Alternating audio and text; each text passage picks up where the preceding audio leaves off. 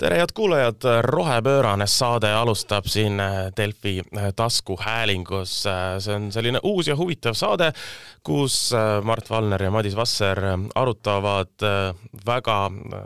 kuidas ma ütlen, rahulikult ja tasakaalukalt väga pööraste ja oluliste teemade üle, mis rohemaailmas toimub. alustame üksteise tutvustamisest, võib-olla mina olen Mart Valner Arengukoostöö ümarlauast ja, ja et mitte asju ajada keeruliseks, siis ma ei hakka isegi seda väga pikka töönimetust ütlema. Madis, kuidas sina ennast tutvustaksid?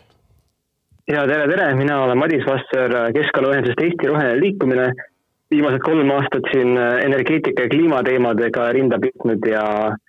ja pidevalt äh, on vaja kuskil midagi arvata, nii et äh, tore on nagu siia saatesse sattuda ja tõesti olen ka kuulnud, et see saade ise on väga rohepöörane, aga meie oleme mõistlikud ja rahulikud, on ju mm. -hmm. ja ma olen ka kuulnud seda kõikidelt äh, kuulajatelt enne meie esimest saadet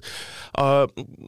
nagu võib-olla kuulajad kuulevad, siis äh, Madis on Tartu stuudios ja, ja, ja mina siin hetkel Tallinnas,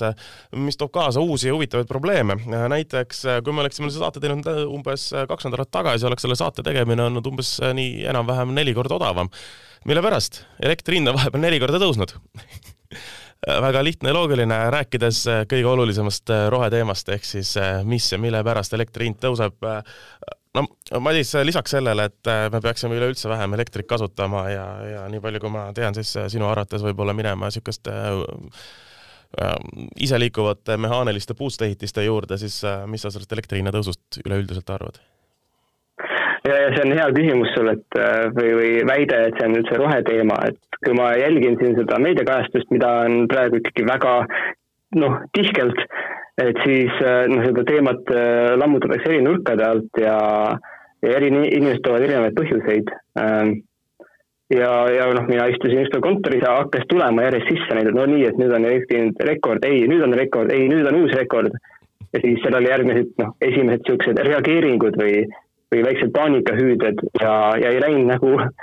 palju mööda või umbes korraks vaatasin mujale, vaatasin tagasi ja juba oli, juba oli minister Taavi Aas saatnud Euroopasse mingisuguse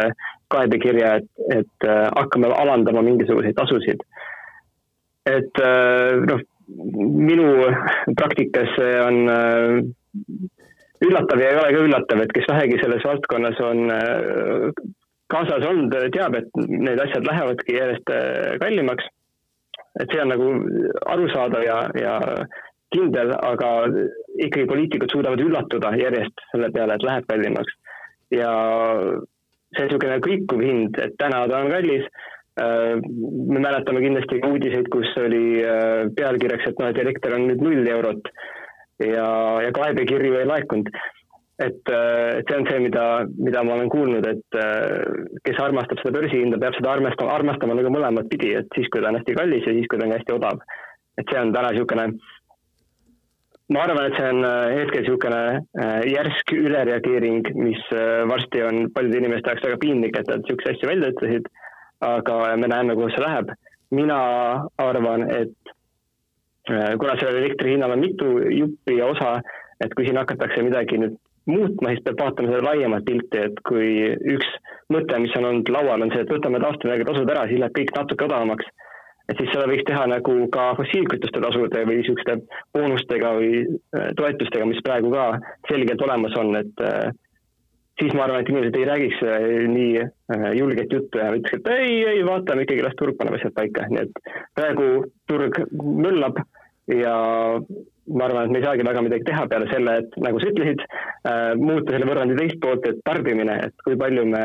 seda elektrit siis äh, vajame ja, ja kas me saame vähemaga hakkama. see on asi, kus inimesed ka ei ole täna valmis, aga olud justkui nagu sunnivad ikkagi mõtlema selle peale nüüd tõsiselt mm. -hmm. no eks ta ongi, noh, ta ongi ju roheteema sellepärast, et äh, et, et, et mis selles võrrandis on praegu, miks, mis läheb ka oluliselt kallimaks, äh, on, on, on see, et me tegelikult ei ole valmistunud piisavalt kiirelt ja piisavalt suure efektiivsusega, eks ole, taastuvenergeetika kasutusele võtmisel, ehk siis noh, me ei suuda praegu ju ära katta taastuvenergia pealt kogu energiavajadust, mis tähendab seda, et meil on, eks ole, elektrijaamadel töötavad katlamajad, mis ei ole nagu mõni aasta juba töötanud. et, et noh, siin on, see on ju väga suur nagu mitme, mitme otsaga asi ja, ja, ja ta ongi, me räägimegi siin kliimateemadest, et praegu on ju tohutult hea koht, kus saab äh, inimesi hirmutada sellega, et äh, vaadake, mida tähendavad kõikvõimalikud kliimalepped, mida tähendavad igasugused kliimakavad, kui õudne asi on, eks ole, see süsinikuturg ja nii edasi ja nii edasi, et noh, eriti arvestades, et see praegu toimub nii-öelda olukorras, kus äh, välja on tulnud, eks ole, just mõne kuu tagaselt, eks ole, see IPCC raport, välja on tulnud fifty, fit for fifty five plaanid, eks ole, äh, me, me samal ajal oleme need kliimateemad, roheteemad, eks ole, tõmmanud väga tugevalt ja väga ilusti üles, me hakkame nendel teemadel rääkima, mulle vähemalt isiklikult tundub, et äh, et, et mingitele inimestele jõuab kohale, et, et nagu päriselt mingisugune põlevkivi põletamine äh, võib mõjutada lisaks äh, nendele Myanmari inimestele, kellest mitte keegi ei huvita, eks ole, siin Eestis, et võib ka mõjutada nagu päriselt meid siin ja, ja, ja nüüd siis nagu jõuab see mingisugune tein, teistsugune reaalsus kohale, et nagu tegelikult ka kliimamuutus, see, et toovad kaasa noh, kliimamuutustega võitlemine toob kaasa ajutise, eks ole, mingisuguse rahakao ja rahatõusu ja hinnatõusu, et et see on, see on kuidagi, ma, ma nõustun sellega, et see täiesti huvitav, kuidas on täiesti ootamatult äkitselt jõudnud kohale, et tegelikult ka elektri hind tõuseb äh, olukorras, kus me ei ole nagu, kus, kus me tahame fossiilsete kütuste arvukust vähendada ja tegelikult ei tegele sellega, et sinna alternatiive leida, leida vähemalt äh,, vähemalt äh, selles mahus, mis, mis peaks, et praegust tarbimisvõimsust vähendada või, või ära katta, aga küsimus ongi selles, et see vähendamise osa ju noh, reaalselt meil, meil ei ole reaalselt ju kuskilt mitte midagi ära võtta. no kui ja. lugeda Eleringi raportit, kes on siis Eesti võrgu niisugune operaator, et neil on niisugune vahva analüüs, kus nad ütlevad näiteks, et noh, et Eesti niisugune äh, baasteenused suudaks ka üleval tiksuda, kui meil oleks võimsus kakssada megavatti ja see on juba nende hinnangul ka nagu ähm, ülehinnang ehk siis noh, tegelikult on viis korda võimalik vähendada, kui, kui me nagu asja võtaks tõsiselt, aga täna me üritame nagu teha rohepööret, aga samal ajal mitte muuta oma, oma elustiili. et see on see, mida niisugused äh, ökoloogilisema kallakuga majandusteadlased on juba pikalt öelnud, et jaa, et rohepöörde võib küll teha, aga nagu see tänane kasvumudel sinna juurde ei kuulu, et äh, et varem on seda nagu teoreetiliselt väidetud, et noh, see ei saa nii töötada, täna me näeme seda hästi tugevalt praktikas, et see ei saa nii töötada ja nüüd on küsimus äh, minu peas, et kas meil on poliitikutel seda paindlikkust, et siis nagu võtta seda uut teadmist nagu pardale või nad ikkagi üritavad äh, asju jätkata vanaviisi. Ja mis on pöörane selle kõige juures on see, et äh, siis, kui Eesti oli Euroopa Liidu eesistuja aastal kaks tuhat seitseteist vist ähm,, siis sellel ajal just nagu lepiti kokku, et see näiteks see kvoodi hind läheb ülesse, aga see ei ole ainukene äh, põhjus, miks täna elekter on kallis, ka maagaasi hind on läinud hästi kalliks, sest et nõudlus on suur, äh, pakkumine on väike, ühesõnaga palju komponente, tulemus on see, et paljud asjad juhtusid samal ajal kokku, nüüd me helbime seda suppi. Ja, ja siin ei olegi väga midagi nagu süsteemsel tasandil hetkel kiirelt teha, et need on nagu pikaajalised küsimused mis vajavad pikaajalist lahendust, nii et äh, meie võime siin rääkida, teised arvamusliidrid võivad rääkida, osad räägivad tõesti, et Eesti on üldse teisel planeedil ja ei pea, ja ei pea mõtlema nagu ülejäänud äh, riikide küsimuste peale, aga noh, eks meil on siis võimalus seda siin tagasi maa peale tuua, et, et noh, et süsteemid on suured ja keerulised ja äh, täna on hind nii äh,, vaatame, kuidas ta homme on ja otsime neid kohti, kus saab äh, kokku tõmmata, sest et äh, muidu ongi, et noh, et sa ei saa, sa võid ennast ka täiesti vaeseks maksta, aga võid ka mitte mm. -hmm. see väga huvitav on see, et keegi ei protesteerinud ju äh, sellesama äh, kvoodikaubanduse vastu siis, kui meie sealt nagu raha saime täpselt nagu no, me jätkuvalt saame, me,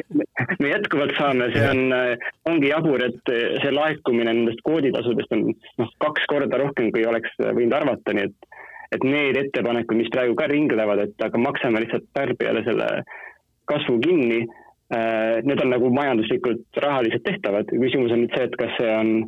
äh, otsustajate võimuses äh, nii otsustada, et, äh, et nii teha, et niisugust mõnes mõttes helikopteri raha pillu, pillutada, et äh, siin tuleb nagu huvitav uus küsimus, et ütleme, et on üks Mati, kes elab kuskil väga suures majas, mida ta kütab elektriga. ja noh, selgelt liiga suures majas tema jaoks. ja nüüd järsku need elektrihinnad lähevad nii lakke, et tal isegi temal on keeruline seda ära klattida. et kas siis on õiglane, et riik nagu tema niisugust üliluksuslikku elustiili nüüd subsideerib ka veel peale. et need on need küsimused, millega meil varsti tuleb ilmselt rinda pista. No ma ütleks, kui äh, riik subsideerib äh, põhjuseid, mille pärast elektri hind nii kallis on, siis, äh, siis ta võib subsideerida ka selle mati nagu kõrget elektri hinda kodus, eks ole. aga, aga ei, loomulikult, samas me ärme nüüd, ärme nüüd siit nagu liiga kuidagi mm, sellesse teemasse, et, et me peaksime vahet tegema, kes on nagu väärt seda, et, et kellele me mingisuguseid toetusi, toetusi maksame, kui me nii kaugele läheme muidugi noh, esimene jah, nagu sa tegelikult ise ütlesid ka, esimene plaan või esi-, üks mõtetest on olnud ju see, et äkki võtta see taastuvenergia tasu maha, sellepärast et äh, selliste elektrihindadega äkitselt ei ole ju taastuvenergia äh, tasusid vaja või noh, riigi pool, riigipoolset toetust, et taastuvenergia projektid to toodavad ennast ise ära, mis on muidugi äärmiselt äh, huvitav mõte olukorras, kus näiteks kuu aja pärast võib-olla elektrihinnad on, eks ole, neli korda madalamad, tegelikult ju täpselt ei tea seda. Äh, ja, ja, ja kui nii läheb ega siis tagasi ei pane seda tasu keegi enam siis tagasi seda tasu keegi ei pane ja taastuvenergia projekte ka ei tule, sest et hind on nii madal, et siin on nagu noh, riik on ikka ilges kahvlis ja, ja see ongi nagu aastakümnete pikkus nagu tegemata planeerimise tulemus nüüd. Ja nüüd poliitikud võivad eelkõige ise peeglisse vaadata ja süüdistada natuke iseennast ja siis äh, selle värskelt leitud teadmisega tulla ja mõelda, et okei okay,, kas me saame üldse kuidagi teistmoodi süsteemi disainida, et ma arvan, et siin ei olegi niisugust äh, peenhäälestuslahendust äh,, et, et see taastuvenergia tasu on ka tegelikult pisikene protsent ainult sellest, sellest kogu elektri hinnast.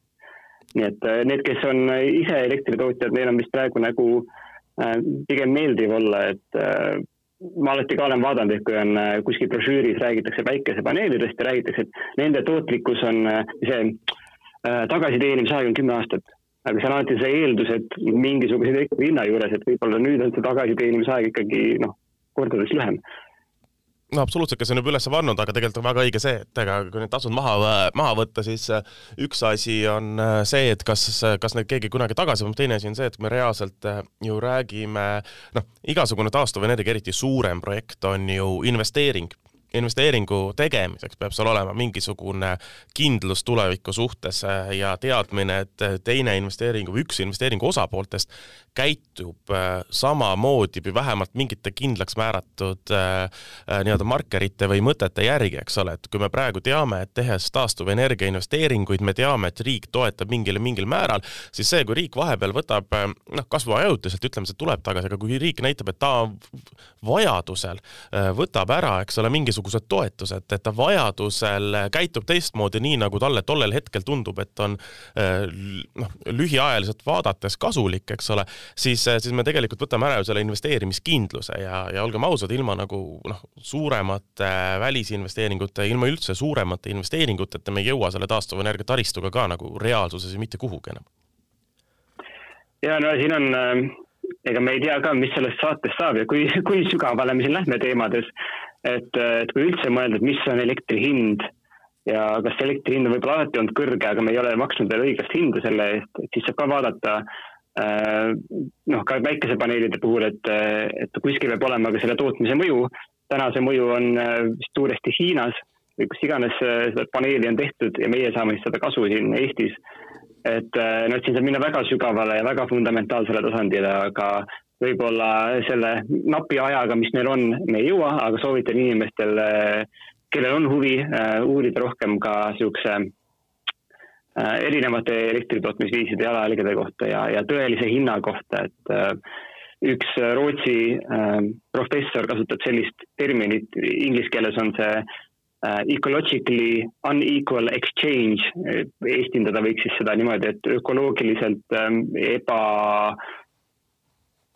ebavõrdne, ebavõrdne, mm -hmm. ebavõrdne vahetuskaup. Et äh, ja see on nagu päikesepaneelide puhul hästi-hästi suur ja tugev, et äh, noh, et ongi, et siin ei ole seda ühte lihtsat ja head lahendust ja samamoodi äh, soovitan inimestel tõsiselt mõelda, kui keegi tuleb kuskilt põõsast välja ja ütleb, et ei, tegelikult on lahendus üks, üks väike tuumajaam, mida ei ole olemas. et noh, et kõik on, praegu on hästi lihtne inimestele neid idusid pähe panna mingitest mõtetest, aga noh, tuleb olla antud hetkel siis eriti kriitiline et kes mida räägib ja kes on see allikas, kes seda infot räägib ja, ja mis on tema enda huvi selle kõige juures. ei no allikakriitilisus tuleb alati kasuks, samamoodi ma soovitan olla allikakriitiline kõige suhtes, mida, mida Madis Vasser ütleb ja, ja mida meie siin saates ütleme, sellepärast et väga oluline on vaadata ise ka et, et, et noh, tegelikult olgem ausad, tulebki ise vaadata ja tulebki ise, ise uurida, aru saada, mis need mõtted on. ma, ma ütleks natuke sügavamini selles mõttes ma läheksin ikkagi selles osas, et ma saan su mõttest aru, et, et meie saame ju tegelikult Eestis äh, me naudime selle, selle töö vilju, äh, mille eest, kui me räägime, noh, millest tehakse päikesepaneeli, eks ole, võtame äh, erinevad äh, väärismetallid ja nii edasi, mida kaevandatakse, nende kaevandamisega meie siin ei tegele, meie selle keskkonna jalajäljega siin ei tegele, meie selle reaalse õiglase kaubanduse või õiglase palga maksmisega ei tegele, eks ole, seesama asi käib mitte ainult elektri kohta, seesama asi käib ka banaanide, kohvitoodete ja kõige muu kohta, mis on poodides nii odavad, et reaalselt ei ole võimalik, et selle raha eest, eks ole, koha peal reaalne keskkonna jalajälg oleks null ja inimesed oleksid nagu päriselt, äh, päriselt äh, söönud, äh, ehk siis noh, niisugust fair trade elektrit minu teada nagu sellise märgistusega veel, veel ei ole, aga oi, oi, mina oi. just äh,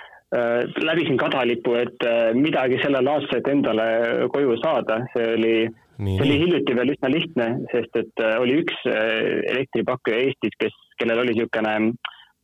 sildikene nagu Eco Energy. Ja see on tõesti siis noh, tundub, kui läheb nagu sisse vaadata, tõesti väga-väga keskkonnasõbralik äh, elektrimärgis, kus ei ole ei suuremahulist biomassi, ei tuumaenergiat, aga, aga et see elektripakkuja ühines teise elektripakkujaga, siis kui mina läksin elektrilepingut tegema, siis mul oli ikkagi kõvasti vaja vaeva näha, aga nüüd mul on see, see label, nii et äh, ma saan natukene paremini magada öösiti. aga see, see ei ole jah, nagu see ei ole võimatu, aga see ei ole ka liiga lihtne, et äh, kui võtta mõni nagu kõige levinum rohepakett, siis see ikkagi eeldab seda, et noh, kuskil tehakse midagi jõudsat äh, mingi naljaka taastuvenergia sildi all ühesõnaga, sina, sina võid julgusega magades tule põlema jätta, mis on väga tore, aga, aga aga ma ei tee seda aga sa ei tee seda, mis on ka väga mõistlik. aga tegelikult, noh, vaata, mida ma tahtsin sellega öelda, et me ei saa täiesti julmalt äh, jääda mõtlema selle peale, et need lahendused, ütleme, kui me räägime nüüd tõesti innovaatilistest lahendustest, kui me räägime tehnoloogiast, eks ole, et äh, see lahendus, kui me paneme mingisuguse päikesepaneeli või me paneme kuhugi tuulepargid, et, et iga selle jupp äh, ei ole täiesti taastlik või taastuvalt toodetud, me ei saa sellesse kinni jääda äh,. kui see nagu suures plaanis äh, teataval määral ikkagi on keskkonnasõbralikum, kui visata sedasama põlevkiviahju mitte teataval määral, vaid oluliselt, eks ole, kogu oma elu, elurütmi äh, osas. aga see on nüüd see elektriteema ja elektri mõte. Äh, üks teema veel, mida me tahtsime arutada äh, täna, Madis, või on sul elektri osas veel midagi äh, lisada siia? Mis ei lähe liiga sügavale ma arvan, et see on niisugune mm, ajas arenev teema ja kui meie saade ükskord eetrisse läheb, see on salvestatud kolmapäeval, kahekümne teisel septembril, et kui see läheb paar päeva hiljem üles, siis on juba ilmselt mingid arengud jälle toimunud, nii et äh, no, siis oli tore nagu vaadata, mis ajaloos räägiti. Ja me vaatame, mis, mis siin äh, järgmistel kuudel kindlasti toimub ja, ja kindlasti see saab olema väga huvitav ja eriti just keskkonna perspektiivist, et täna nagu keskkonna jalajäljest räägitakse hästi vähem, peamiselt surutakse seda, et peab olema odav elekter, aga kui vaadata näiteks keskkonnateadlikkuse uuringut Eestis tehtud eelmisel aastal, siis eh, odavus on inimeste prioriteetides kolmandal kohal, et eelkõige on ikkagi see keskkonna jalajälg ja äh, niisugune sõltumatus välis, välis äh, tootmisest, siis odavus on kolmandal kohal, aga noh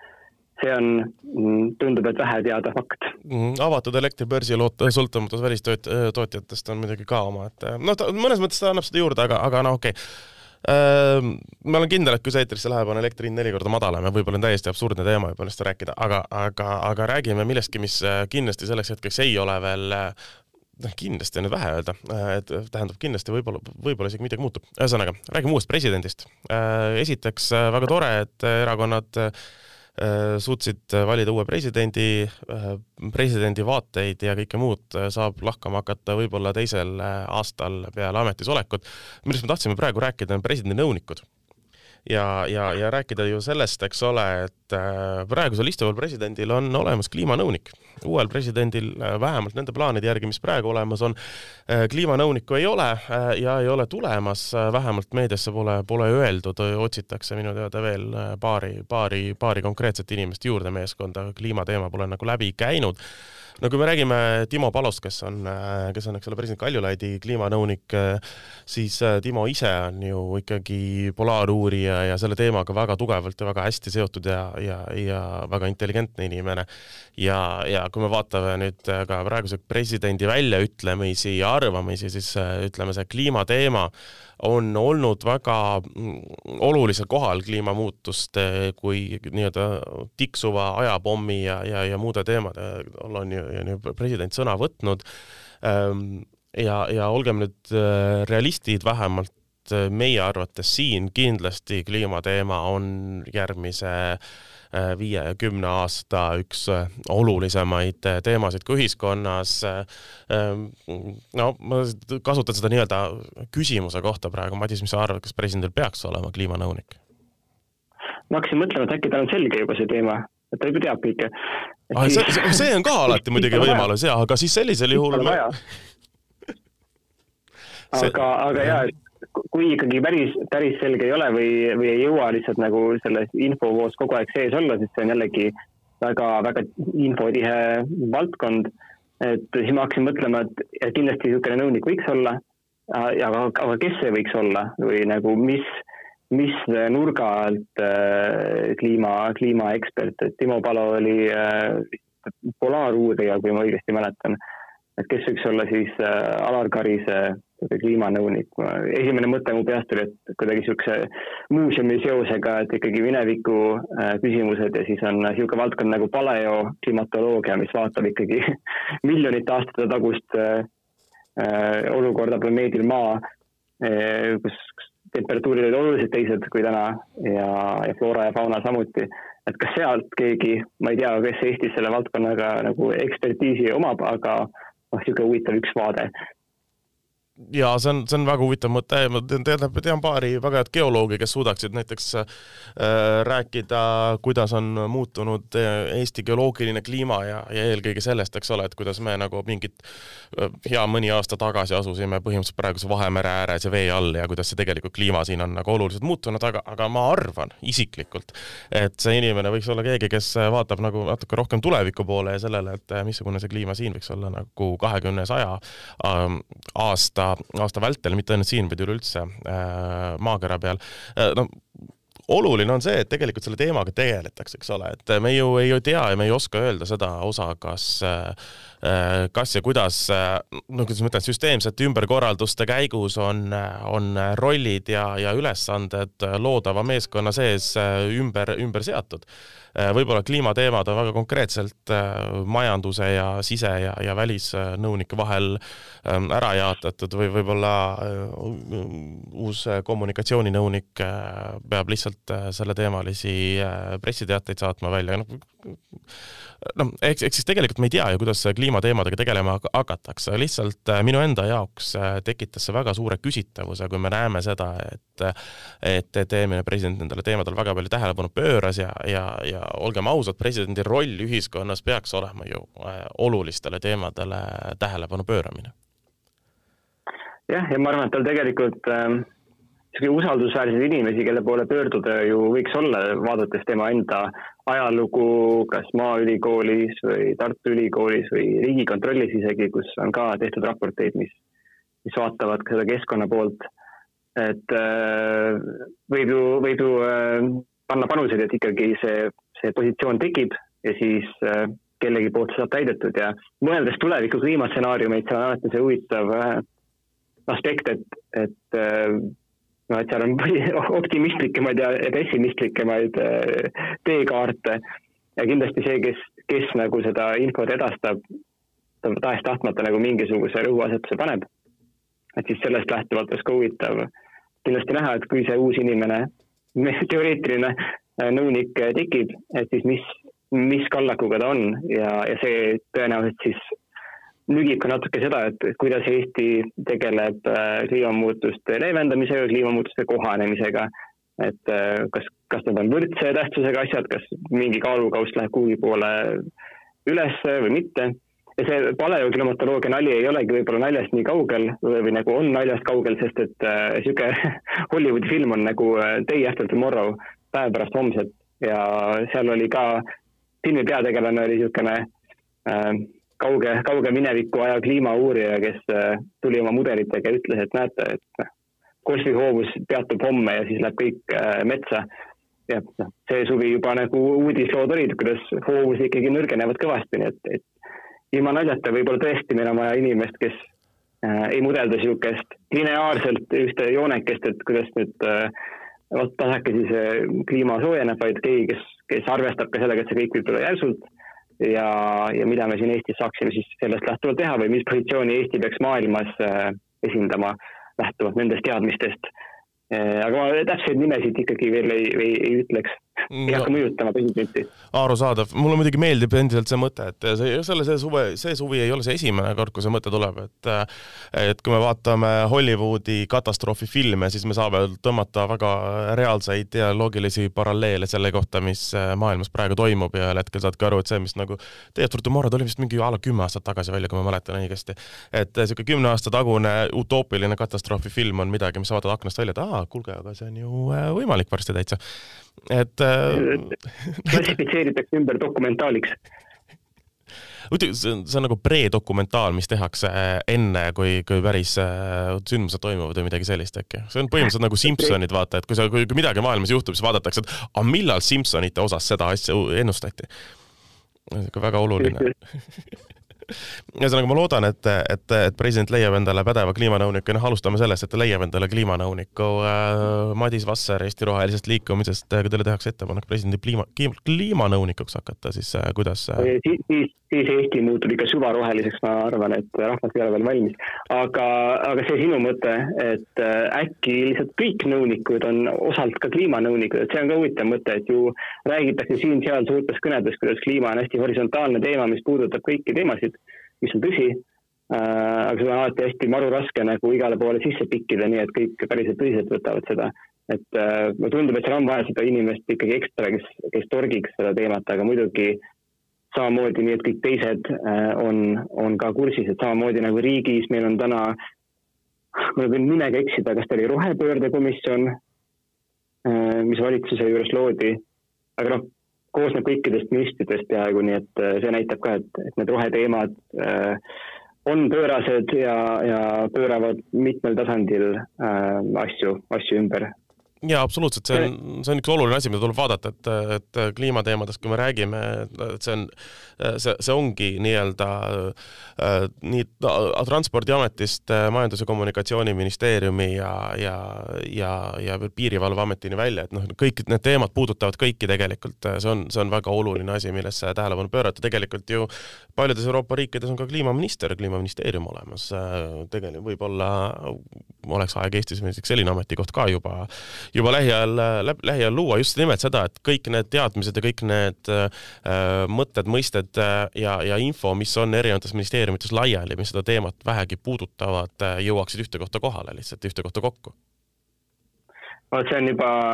teema järgmiseks aruteluks, et äh, kas ja, ja milline võiks olla Eesti kliimaseadus. meil ei ole täna sedagi, aga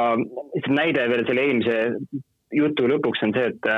et noh, me kõik saame aru näiteks, et kui me räägime hügieenist, siis ei piisa sellest, kui sul on äh, nagu klassis üks tüüp, kes peseb nagu religioosselt käsi ja teised ei pese üldse. et äh, kliimateema on ka nii, et ei saa olla, et on üks, kes seda eest jääb ja teised ei tee üldse, et äh,, et kõik peaks ikkagi kaasa lööma, äh,, sest siis on nagu asjal äh, jumeti mõju jaa, sellega ma olen absoluutselt nõus, et äh, lihtsalt äh, seesama kätepesuga on, on see teema, et äh, see üks äh, nii-öelda klassijuhataja võiks olla, kes nagu kontrollib üle, et kõik ikkagi tegeleksid selle kätepesuga et niisugune äh, suhteliselt äh, minu, minu arust väga oluline teema. ma mõtlesin, kas meil on siin saate lõpuks veel mõni, mõni mm, lisamärkus, lisamõte, mida tahaks kindlasti kajastada lisaks sellele, et äh, loomulikult palju edu uuele